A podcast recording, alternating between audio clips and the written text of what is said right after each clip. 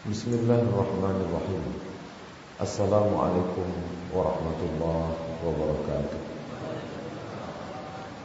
Alhamdulillahi rabbil alamin Wabihi nasta'inu ala umuri dunia wa din Wassalatu wassalamu ala sayyidina Muhammadin Wa ala alihi wa sahbihi Wa man tabi'ahu ila yamidin Subhanaka la ilma lana illa ma'allamtana Innaka antal alimul hakim Rabbi syrah li sadri wa yassir li amri wahlul 'uqdatam min lisani yafqahu qawli. Bapak-bapak, ibu-ibu, hadirin hadirat, anak-anak tua saya tak dapat saya sebut satu persatu. Insya-Allah kita ini semua hamba-hamba yang dimuliakan oleh Allah Subhanahu wa taala. Amin ya rabbal alamin. Bersyukur kita kepada Allah pada hari ini hari Sabtu terakhir di bulan Syaban tepatnya lebih kurang tanggal 24 Syaban kita masih diberikan Allah Subhanahu wa taala umur panjang masih diberikan kesehatan ada nikmat istiqamah iman dan Islam sehingga ringan kita melangkahkan kaki datang ke rumah Allah. Walaupun saat ini hujan lebat dingin libur komplit semua tapi kita tetap datang melaksanakan fardu subuh berjamaah dan kemudian beberapa waktu yang dititipkan Allah ini kita isi dengan mengkaji hadis Rasulullah sallallahu alaihi wasallam. Mudah-mudahan sampai akhir hayat kita kita diberikan istiqamah mengamalkan ini insyaallah. Amin ya rabbal alamin. Kemudian berselawat kepada Rasulullah dengan mengucapkan Allahumma salli ala sayyidina Muhammad wa ala ali Muhammad. Mudah-mudahan dengan memperbanyak selawat dalam kehidupan kita diberikan istiqamah dan ketika akhir hayat kita ditutup dengan husnul khatimah dan ketika menghadap Allah Subhanahu wa taala kita mendapatkan syafaat insyaallah. Amin amin ya rabbal alamin. Bapak ibu-ibu hadirin hadirat yang dimuliakan Allah pada kesempatan subuh kali ini tak seperti biasanya saya mengkaji satu hadis kemudian maknanya apa pelajaran dapat kita ambil tapi pada subuh kali ini kita mengkaji satu tema yang terdiri dari beberapa hadis. Temanya adalah seputar bulan yang akan kita sambut yaitu bulan suci Ramadan. Ramadan diambil dari akar kata yaitu Ramadhan. Biasa dalam bahasa Arab satu kata itu ada asal, ada akar. Jadi Ramadan itu menurut para ulama ada beberapa versi, beberapa pendapat Pendapat pertama mengatakan diambil dari kata ramda. Apa maknanya? Ketika matahari menyinari bumi, menyinari gurun pasir, lalu pasir yang sudah panas itu mengeluarkan uap panas. Uap panas yang dikeluarkan oleh pasir akibat dari panas terik matahari itu disebut dengan ramda. Apa hubungannya dengan puasa? ketika orang sedang melaksanakan puasa menahan haus karena dia tidak minum dari pagi maka panasnya itu terasa kering ketenggorokan begitulah panasnya seperti panas matahari yang menyinari pasir menyebabkan naiknya uap panas. Terasa amat sangat panas. Itu makna yang pertama.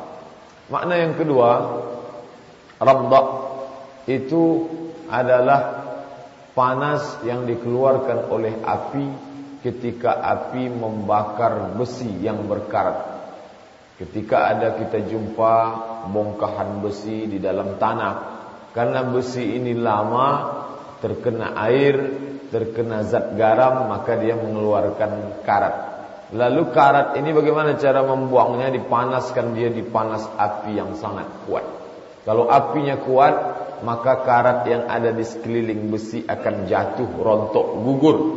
Apa hubungannya dengan Ramadan? Begitulah diri kita yang penuh dengan dosa yang berkarat dipanaskan oleh Ramadan maka berguguranlah dosa. Tapi kalau panasnya cukup, kalau panasnya tak tak, tak cukup panas tanggung tanggung maka karat tak akan gugur, tak akan jatuh. Apa sebab? Ada dua kemungkinan. Yang pertama karatnya terlalu kuat sampai tak jatuh, sampai tak rontok karena panas. Yang kedua mungkin panasnya tak kuat Tak cukup untuk menjatuhkan karat yang ada pada besi Itu makna. Makna lain, Ramdah adalah di Arab ada empat musim. Dua musim itu disebutkan di dalam Al-Quran. Di ila fi Quraisy, ila fihim rihlatash shita was-saif. Shita musim dingin. Musim dingin itu disebut shita. Musim panas itu disebut dengan saif. Kemudian antara dua musim ini mendapatkan musim panas ada musim bunga. Setelah musim dingin musim bunga yang disebut dengan musim Rabi' maka ada dalam bulan Rabi' bunga. Kemudian ada pula musim gugur menjelang musim uh, dingin dia berguguran daun kayu disebut dengan musim gugur atau musim kharif. Empat musim. Ketika terjadi musim saif, musim panas, itu banyak terjadi hujan debu. Hujan debu ini membuat segala yang berwarna menjadi satu warna. Ketika musim debu, tak dapat dibedakan mana daun, mana bunga. Semuanya sama-sama warna hitam, warna debu. Oleh sebab itu, jangan bapak ibu heran kalau mungkin nanti ada rezeki diberikan Allah datang ke Kairo menengok bangunan yang kusam. Warnanya warna debu. Karena memang begitulah hujan debu. Daun, pokok kayu, batang kayu, bunga, warnanya sama semua warna debu. Begitulah yang terjadi pada musim saif, musim panas. Ketika akan berganti musim, itu ada hujan. Hujannya tak banyak, tak seperti kita hujan lebat. Hanya seperti siraman pada bunga saja. Sekali lalu saja saat pergantian musim. Ketika hujan itu datang, maka menggugurkan semua debu yang menempel di daun. Yang tadi warnanya hitam berubah menjadi hijau. Yang tadi warnanya hitam berubah menjadi merah. Yang tadi bangunan kusam menjadi cerah. Yang tadi pokok-pokok kayu yang tampaknya mati menjadi hidup kembali setelah hujan itu berlalu. Apa nama hujan? Hujan yang sekali lalu itu namanya Ramadan. Dari kata itulah Ramadan. Apa hubungannya dengan kita yang akan menjalani memasuki bulan suci Ramadan? begitulah perjalanan hidup kita selama 11 bulan ini ditempeli oleh debu. Melekat debu di mata, di telinga, di hati, di pikiran kita. Masuk dia ke dalam tulang sumsum -sum kita. Lalu lewatlah hujan yang tak begitu lebat hujan yang hanya 29 sampai 30 hari yang bernama Ramadan maka dia akan mengikis segala debu yang menempel tadi. Maka daun yang tampaknya hitam kembali menjadi hijau. Maka bunga-bunga yang tampaknya kusam kembali cerah setelah lewatnya yang disebut dengan ramdak dari akar itulah diambil ramadan. Apapun namanya baik dia diambil dari panas api yang menggugurkan karat maupun hujan yang menghilangkan debu tapi kalau kita lihat ada satu makna. Tampaknya banyak tapi isi substansi maknanya satu. Apa maknanya? Memurnikan kembali sesuatu pada asalnya. Mengembalikan pada asalnya. Asalnya karat itu tak ada. Murni besi. Tapi karena perjalanan waktu dan usur di luar itu maka dia menjadi berkarat. Lalu datang panas api mengembalikan besi pada bentuknya semula. Asalnya daun itu hijau, asalnya bunga itu merah. Tapi karena perjalanan waktu datang debu mengotori dia. Datang hujan mengembalikan dia pada fungsinya semula. Dia tak merubah. Hujan tak merubah warna bunga. Hujan tak merubah warna daun. Dia hanya mengembalikan pada warna semula. Begitu juga dengan Ramadan. Ramadan tak merubah kita. Tapi dia mengembalikan kita pada fitrah semula. Apa itu? Mamin mauludin. Setiap anak yang lahir. Illa yuladu alal fitrah dia berada dalam fitrah kesucian fitratul Islam kesucian Islam. Tapi karena perjalanan waktu datang karat datang debu datang sesuatu yang mengotori menodai menutupi warna aslinya. Maka datang Ramadan yang mensucikan mengembalikan dia kepada maknanya yang semula. Jadi bapak dan ibu hadirin yang dimuliakan Allah Subhanahu wa taala bahwa hujan itu turun ya bahawa dia akan menghilangkan debu yang menutupi daun dan bunga memang betul tak salah tapi apakah semua pokok kayu akan mendapatkan siraman hujan tidak ada pokok kayu yang tersembunyi di bawah kayu lain tersembunyi di bawah bangunan dia tak terkena siraman hujan. Hujan sudah berlalu, debunya tak hilang. Kita tak mau seperti itu. Kita mau ambil kesempatan ini. Bapak dan Ibu yang dimuliakan Allah Subhanahu wa taala, itu makna dari akar kata Ramadan. Allah taala berfirman dalam Al-Qur'an, "Inna iddatasy syuhuri indallah 12 syahran fi kitabillah." Sesungguhnya jumlah bilangan bulan yang ditetapkan Allah di dalam Al-Quran dalam kitab suci ada Ithna Ashara Syahran ada 12 bulan itu yang kita kenal dengan Muharram Safar Rabi'ul Awal Rabi'ul Akhir Jumadal Ula Jumadal Thaniyah Rajab Sya'ban Ramadan Syawal Dhul Qa'dah Dhul Hijjah tapi di antara 12 ini ada kelebihan yang diberikan Allah SWT minha arba'atun hurum ada empat bulan haram tapi yang empat itu tak disebutkan dalam Quran. Yang dua belas tak disebutkan. Yang empat pun tak disebutkan. Hanya ada dalam hadis. Sahih Bukhari. Salasu mutawaliyat. Ada tiga yang berturut-turut. Yaitu Zulqa'dah, Zulhijjah, Muharram. Kemudian satu yang terpisah. Yaitu bulan Rajab. Tak ada dalam Al-Quran. Tapi bulan yang satu ini disebutkan secara teks di dalam Al-Quran. Apa kata Allah Ta'ala? Syahrul Ramadhan alladhi unzila fihi Al-Quran. Apa maknanya? Kalau di antara 12 ada kemuliaan yang empat. Yang empat itu pun tak disebutkan. Di antara yang empat, kemudian ada pula satu yang mulia disebutkan Allah. Menunjukkan betapa mulianya bulan suci Ramadhan. Maknanya hebat.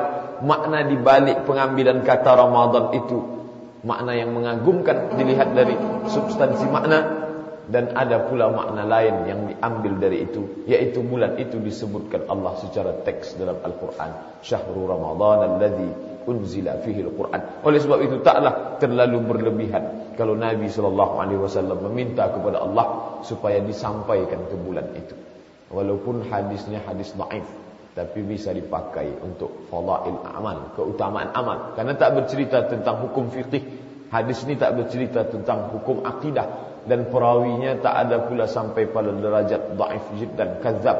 Oleh sebab itu dan dia bernaung di bawah hadis sahih. Allahumma barik lana fi Rajab wa Sya'ban. Ya Allah, berikan kami berkah di bulan Rajab dan Sya'ban wa ballighna Ramadan. Sampaikan kami ke bulan Ramadan. Doa Nabi sallallahu alaihi wasallam. Kalau Nabi saja yang maksum terpelihara dari dosa dan dia dijamin masuk syurga, amalnya banyak tapi dia tetap berdoa ingin disampaikan ke bulan yang dapat merontokkan karat dan menghilangkan debu itu. Lalu bagaimana dengan kita yang bergilimang dosa? Banyak kesilapan masa lalu dan kita belum ada jaminan masuk ke dalam syurga Allah Subhanahu wa taala. Oleh sebab itu kita pun sangat mengharapkan sampai ke bulan tersebut. Bapak-bapak, ibu-ibu, hadirin hadirat yang dimuliakan Allah Subhanahu wa taala di depan kita sudah ada bulan yang begitu kemuliaannya disebutkan dalam Al-Quran. Begitulah kehebatannya. Lalu dengan apa bulan itu diisi? Maka disebutkan dalam hadis riwayat Sahih Al-Bukhari diriwayatkan oleh Abu Hurairah radhiyallahu an. Hadisnya hadis qudsi. Yaqulullahu azza wa jalla. Allah berfirman. Allah berfirman dalam Al-Quran. Tapi kalau dalam hadis disebut dia dengan hadis qudsi. Apa kata Allah Subhanahu wa taala? As-saumu li, puasa itu untukku. Wa ana ajzi bihi, aku yang akan memberikan balasannya. Para ulama mengkaji hadis ini, Bapak dan Ibu yang dimuliakan Allah. Mengapa Allah menyebut as-saumu li, puasa untukku?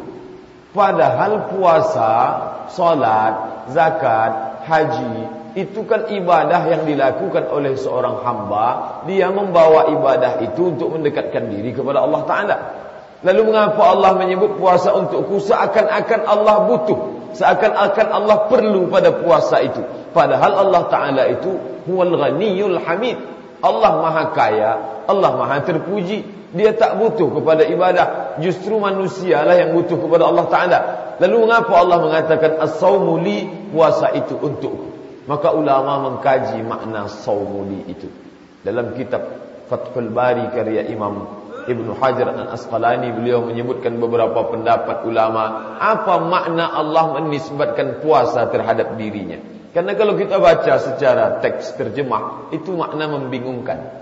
Masa Allah mengatakan puasa untukku? Kalau begitu Allah butuh kepada puasa manusia. Apa maknanya?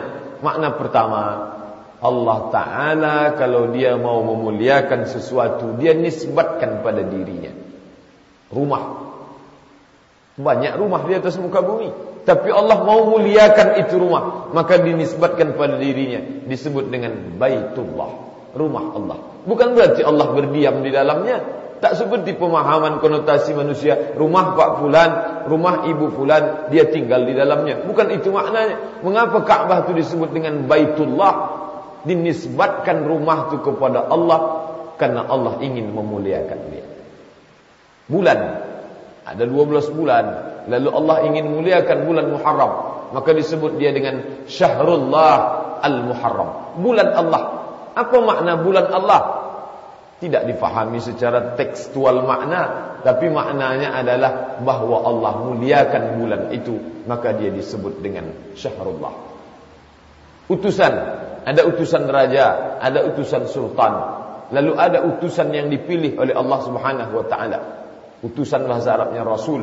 Lalu dia itu adalah utusan Allah. Maka dia disebut dengan rasulullah. Apa maknanya? Allah ingin muliakan pribadi itu sebagai orang yang dimuliakan di atas derajat rata-rata manusia yang lain. Maka dia disebut dengan Rasulullah. Rasulullah Syahrullah Baitullah adalah nama yang dinisbatkan kepada Allah bukan berarti Allah butuh ke rumah itu. Bukan berarti Allah butuh kepada utusan itu. Bukan berarti Allah perlu kepada nama-nama yang dinisbatkan pada dirinya. Tapi dinisbatkannya itu kepada Allah untuk menaikkan derajatnya. Menunjukkan bahawa dia mulia dibandingkan dengan yang lain. Begitu juga dengan puasa ini. Kalau Allah mengatakan as-saumuli dinisbatkan Allah pada dirinya puasa itu untukku bukan berarti Allah butuh pada puasa akan tetapi Allah ingin mengangkat derajat puasa di atas ibadah yang lain itu di antara para pendapat para ulama yang disebutkan dalam kitab Fathul Bari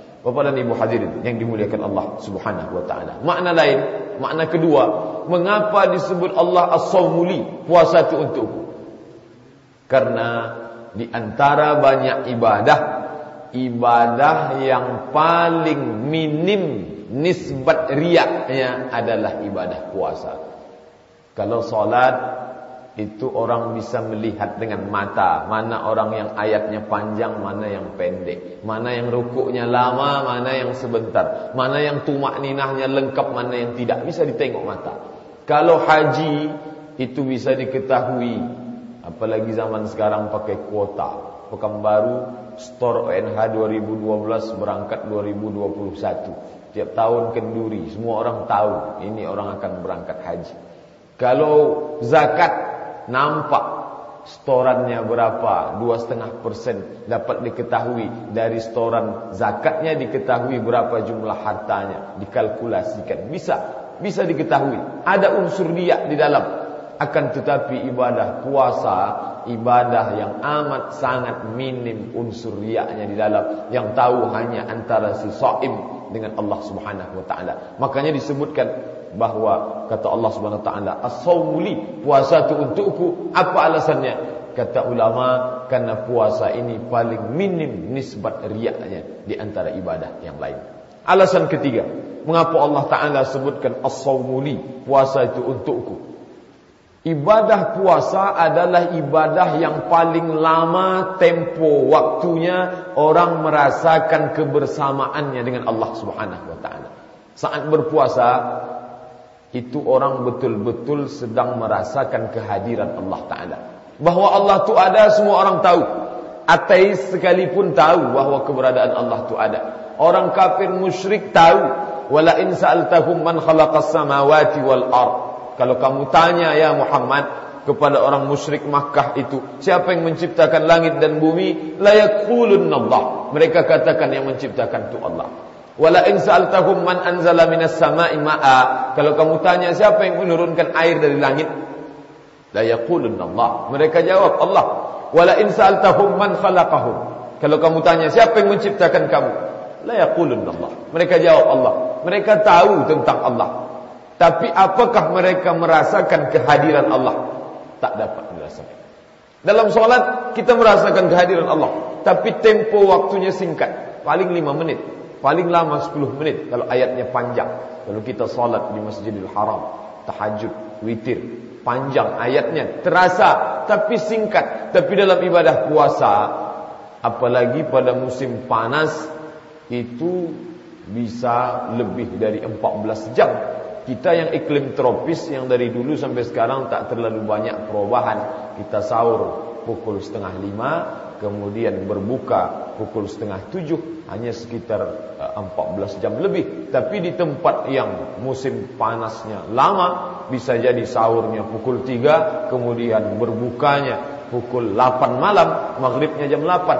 Maka selama tempo waktu yang panjang itu dia merasakan kehadiran Allah subhanahu wa ta'ala. Di saat orang lain tidak melihat dirinya, tidak ada yang mengontrol, tapi dia merasakan kehadiran Allah Subhanahu wa taala. Oleh sebab itu Allah mengatakan dalam hadis itu, "As-sawli puasa itu untukku wa ana ajzi bihi" dan aku yang akan memberikan balasan.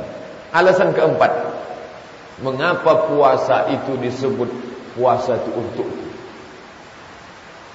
Puasa satu-satunya ibadah yang tidak dipakai orang musyrik untuk mendekatkan diri kepada Allah. Ibadah lain mereka pakai kurban, orang musyrik berkurban. Oleh sebab itu Allah mengkritik mereka dalam Al-Quran. Karena mereka setelah sembelih kurban, darahnya mereka ambil dengan tangan, mereka tempelkan ke dinding Ka'bah. Ya Allah, ini kurban si fulan. Ya Allah ini daging kurban darah kurban sipulan maka dikritik Allah dalam Quran. Apa kata Allah? La yanalallaha luhumuha. Dagingnya tak sampai kepada Allah. Wala dima'uha. Darahnya tak sampai kepada Allah. Walakin yanaluhu taqwa minkum. Yang sampai kepada Allah itu adalah ketakwaan dari orang yang menyembelihnya. Apa makna ayat ini? Ayat ini mengkritik ritual ibadah kurban yang dilakukan oleh orang musyrik dulu Makna lain bahawa orang kafir pun berkurban. Jadi kalau ada orang Islam tak mau berkurban lebih parah daripada orang musyrik Makkah dulu. Mereka berkurban, tapi kurbannya itu ada unsur kemusyrikan dan ada unsur yang tidak diridai Allah Taala. Yang menjadi kaitannya dengan kajian kita pada subuh ini bahawa mereka melaksanakan ibadah kurban untuk mendekatkan diri kepada Allah Subhanahu wa taala. Kemudian ibadah yang lain haji mereka melaksanakan ibadah haji.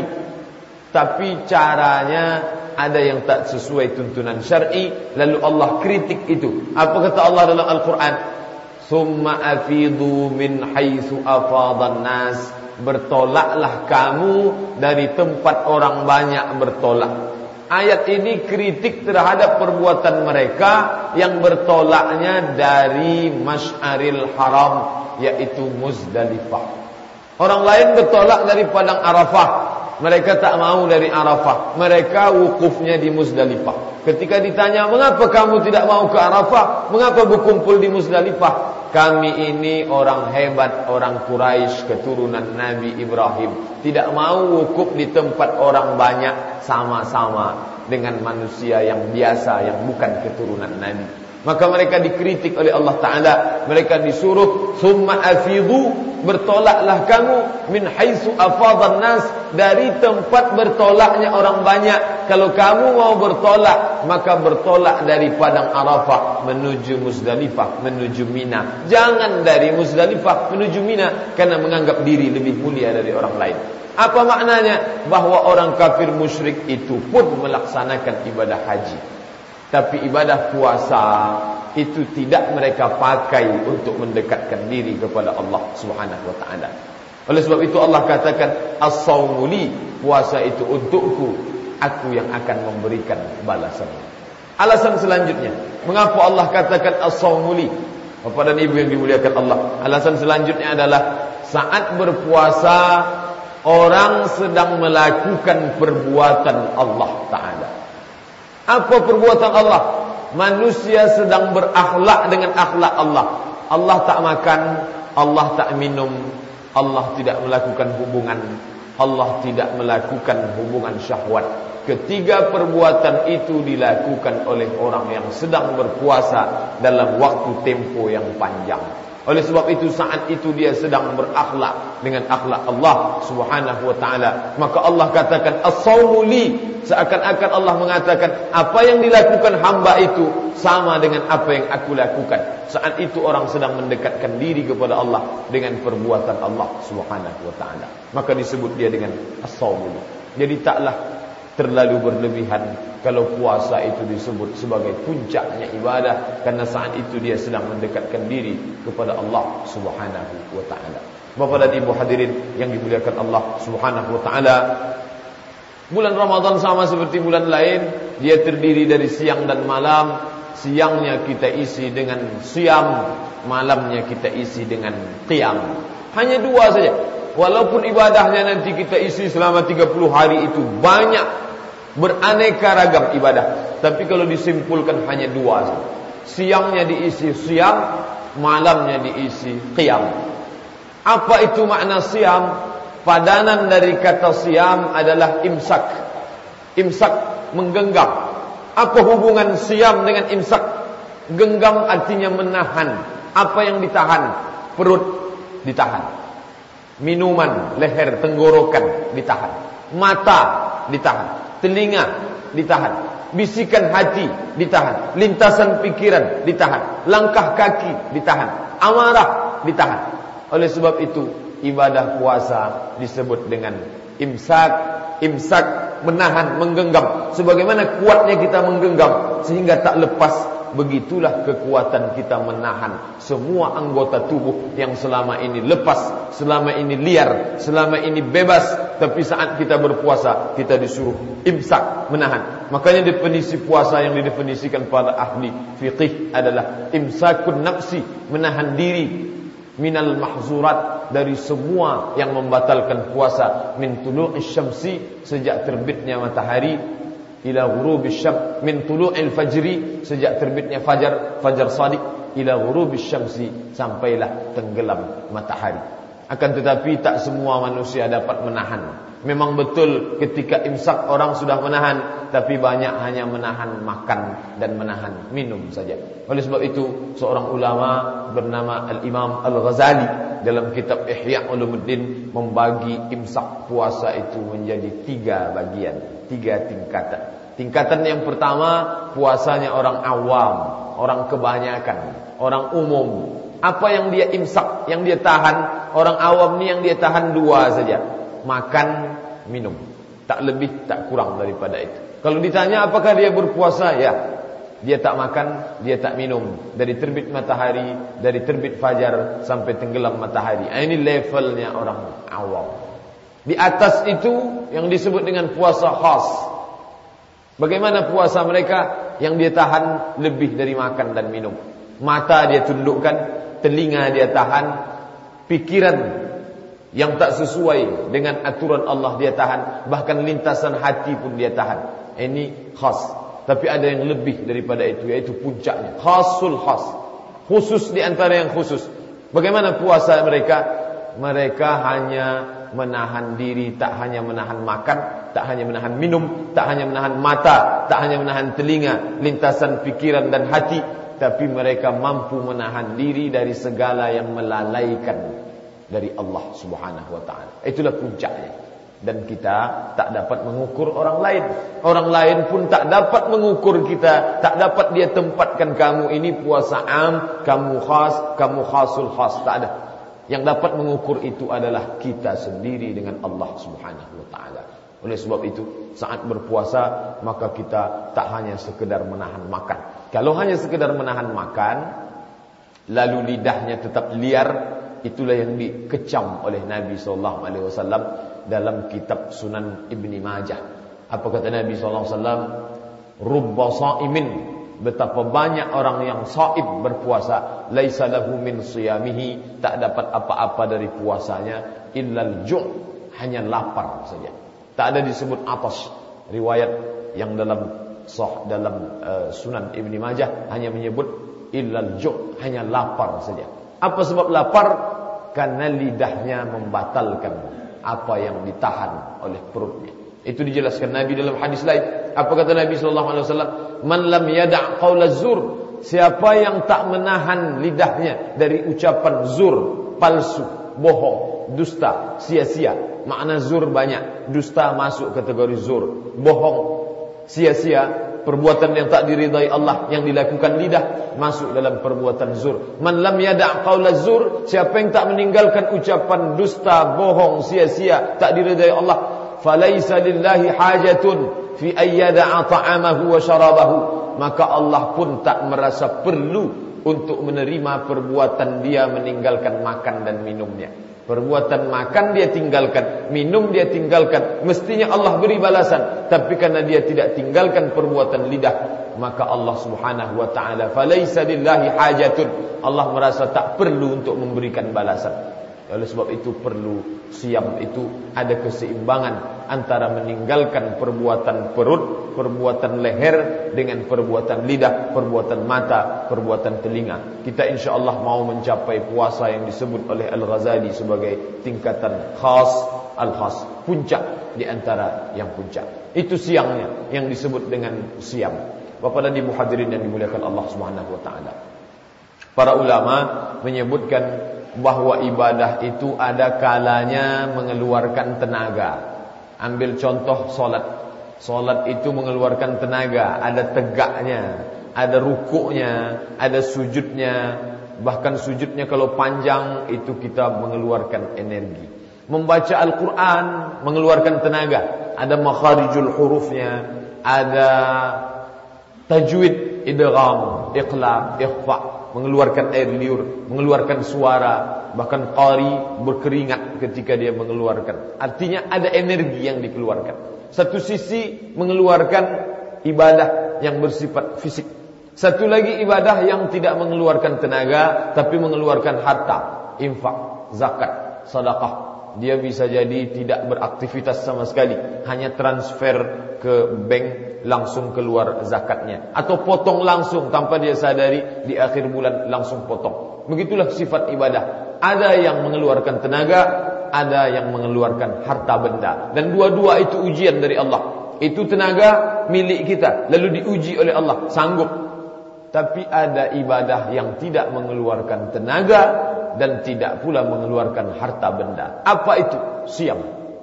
Puasa tak mengeluarkan tenaga dan puasa tidak mengeluarkan harta benda. Lalu apa yang dituntut Allah dari seorang hamba itu? Hanya menahan diri. Tahan makan, tahan minum, tahan mata, tahan telinga, tahan syahwat, tahan lintasan pikiran, tahan lintasan hati.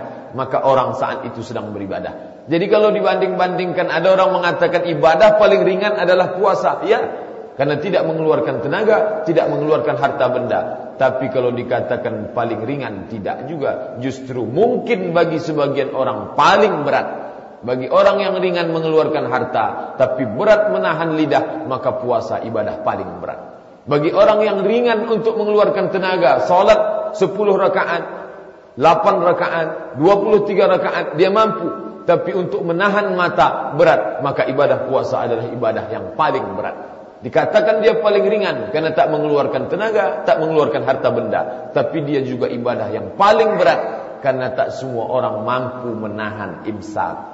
Bapak dan Ibu yang dimuliakan Allah Subhanahu wa taala, ibadah puasa adalah ibadah pembelajaran pembentukan kepribadian seorang muslim di hadapan Allah Subhanahu wa taala. Itu siangnya, siam. Yang kedua, bagian kedua adalah qiyam. Qiyam diambil dari kata qama, artinya tegak. Apa maknanya? Ketika pada waktu malam kita berbaring, tidur, beristirahat. Di tengah orang lain yang tidur, larut dalam mimpi panjangnya, lalu ada hamba-hamba Allah yang bangkit, bangun tengah malam, qiyam. Dia hidupkan malam itu yang pada umumnya hidup tidak ditemukan pada waktu malam. Semua dalam keadaan kematian kecil, tidur. Tapi ada hamba Allah yang qiyam, siangnya diisi siam, malamnya diisi qiyam. Itu yang kita kenal dengan qiyamul lail, menghidupkan malam. Qiyamul lail tidak berarti salat. Salat bagian dari qiyamul lail tapi salat bukan qiyamul lail.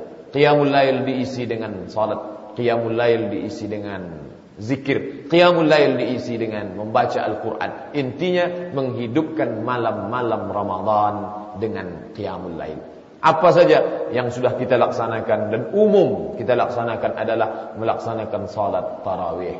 Kemudian dilanjutkan dengan witir, kemudian menghatamkan Al-Quran, kemudian muhasabah diri, duduk sejenak, berpikir sesaat. Sebelas bulan ini kita banyak lalaikan malam kita lupakan beribadah maka kita khususkan malam yang penuh dengan ampunan Allah itu kita isi dengan waqfah ma'an nafsi sejenak bersama jiwa maka saat itu kita muhasabah diri betapa banyak nikmat karunia yang diberikan Allah tapi betapa sedikit syukur kita kepada Allah Subhanahu wa taala. Bapak dan Ibu yang dimuliakan Allah Subhanahu wa taala kalau siang itu kita isi siam malam kita isi qiyam maka janji Nabi sallallahu alaihi wasallam untuk siangnya man shoma ramadan siapa yang melaksanakan siam di siang Ramadan imanan wahtisaban hanya karena didasari iman. Wahtisaban hanya karena ingin mendapatkan balasan dari Allah bukan karena unsur yang lain. Ghufira lahu ma taqaddama min dzambih maka Allah janjikan ampunan terhadap dosa di masa yang lalu. Sebaliknya pula qiyam malam man qama ramadan siapa yang melaksanakan qiyam kata nabi imanan wahtisaban hanya mengharapkan karena balasan dari Allah dan didasari oleh iman ketulusan murni keyakinan kepada Allah. Ghufira lahu ma taqaddama min dhanbi. Maka Allah ampuni dosanya di masa yang lalu. Tak ada beda siangnya bulan Sya'ban begitu juga siangnya bulan Ramadan.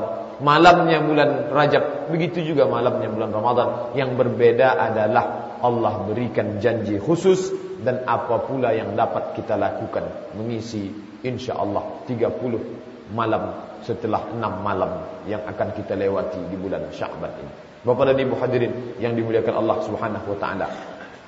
Ada orang-orang yang sejak lama sudah berniat ingin sampai ke bulan itu. Tapi tak dapat dia menemui apa sebab? Karena janji dengan Allah taala sudah berakhir. Ajal yang ditetapkan Allah sudah selesai. Maka mau tak mau, suka tak suka, janji itu ditarik oleh Allah Subhanahu wa taala. Innaka la tukhliful mi'ad. Allah tak mengingkari janjinya. Salah satu janji Allah adalah idza jaa ajaluhum kalau ajal mereka tiba la yastaghfiruna sa'atan tak dapat ditunda walau sesaat wala yastaqdimun tak pula dapat dimajukan walau sesaat maka berakhirlah dia tak sempat masuk ke dalam bulan suci Ramadan kita pun tak kita ketahui apakah kita ini masuk bisa sampai atau tidak tak ada yang dapat mengetahui apa kata Allah dalam surat Luqman? Wa ma tadri nafsum madza taksibu ghada. Tak ada yang tahu apa yang akan terjadi besok. Bahawa besok pagi kita akan mati, akan hidup, akan sakit. Itu di luar kuasa kita. Tapi bahawa kita memprogram bulan itu mau kita isi, itu ada dalam kuasa kita. Tak semuanya diserahkan kepada Allah Ta'ala. Ajal usia kuasa Allah tapi kita punya program untuk mengisi bulan itu ada dalam kuasa kita maka kita atur yang urusan kita kita serahkan urusan Allah taala andai kita tak sampai ke bulan itu tapi kita sudah punya niat maka janji nabi disebutkan wa innama likulli imri'in ma nawa. Orang akan mendapatkan sesuai dengan apa yang dia niatkan.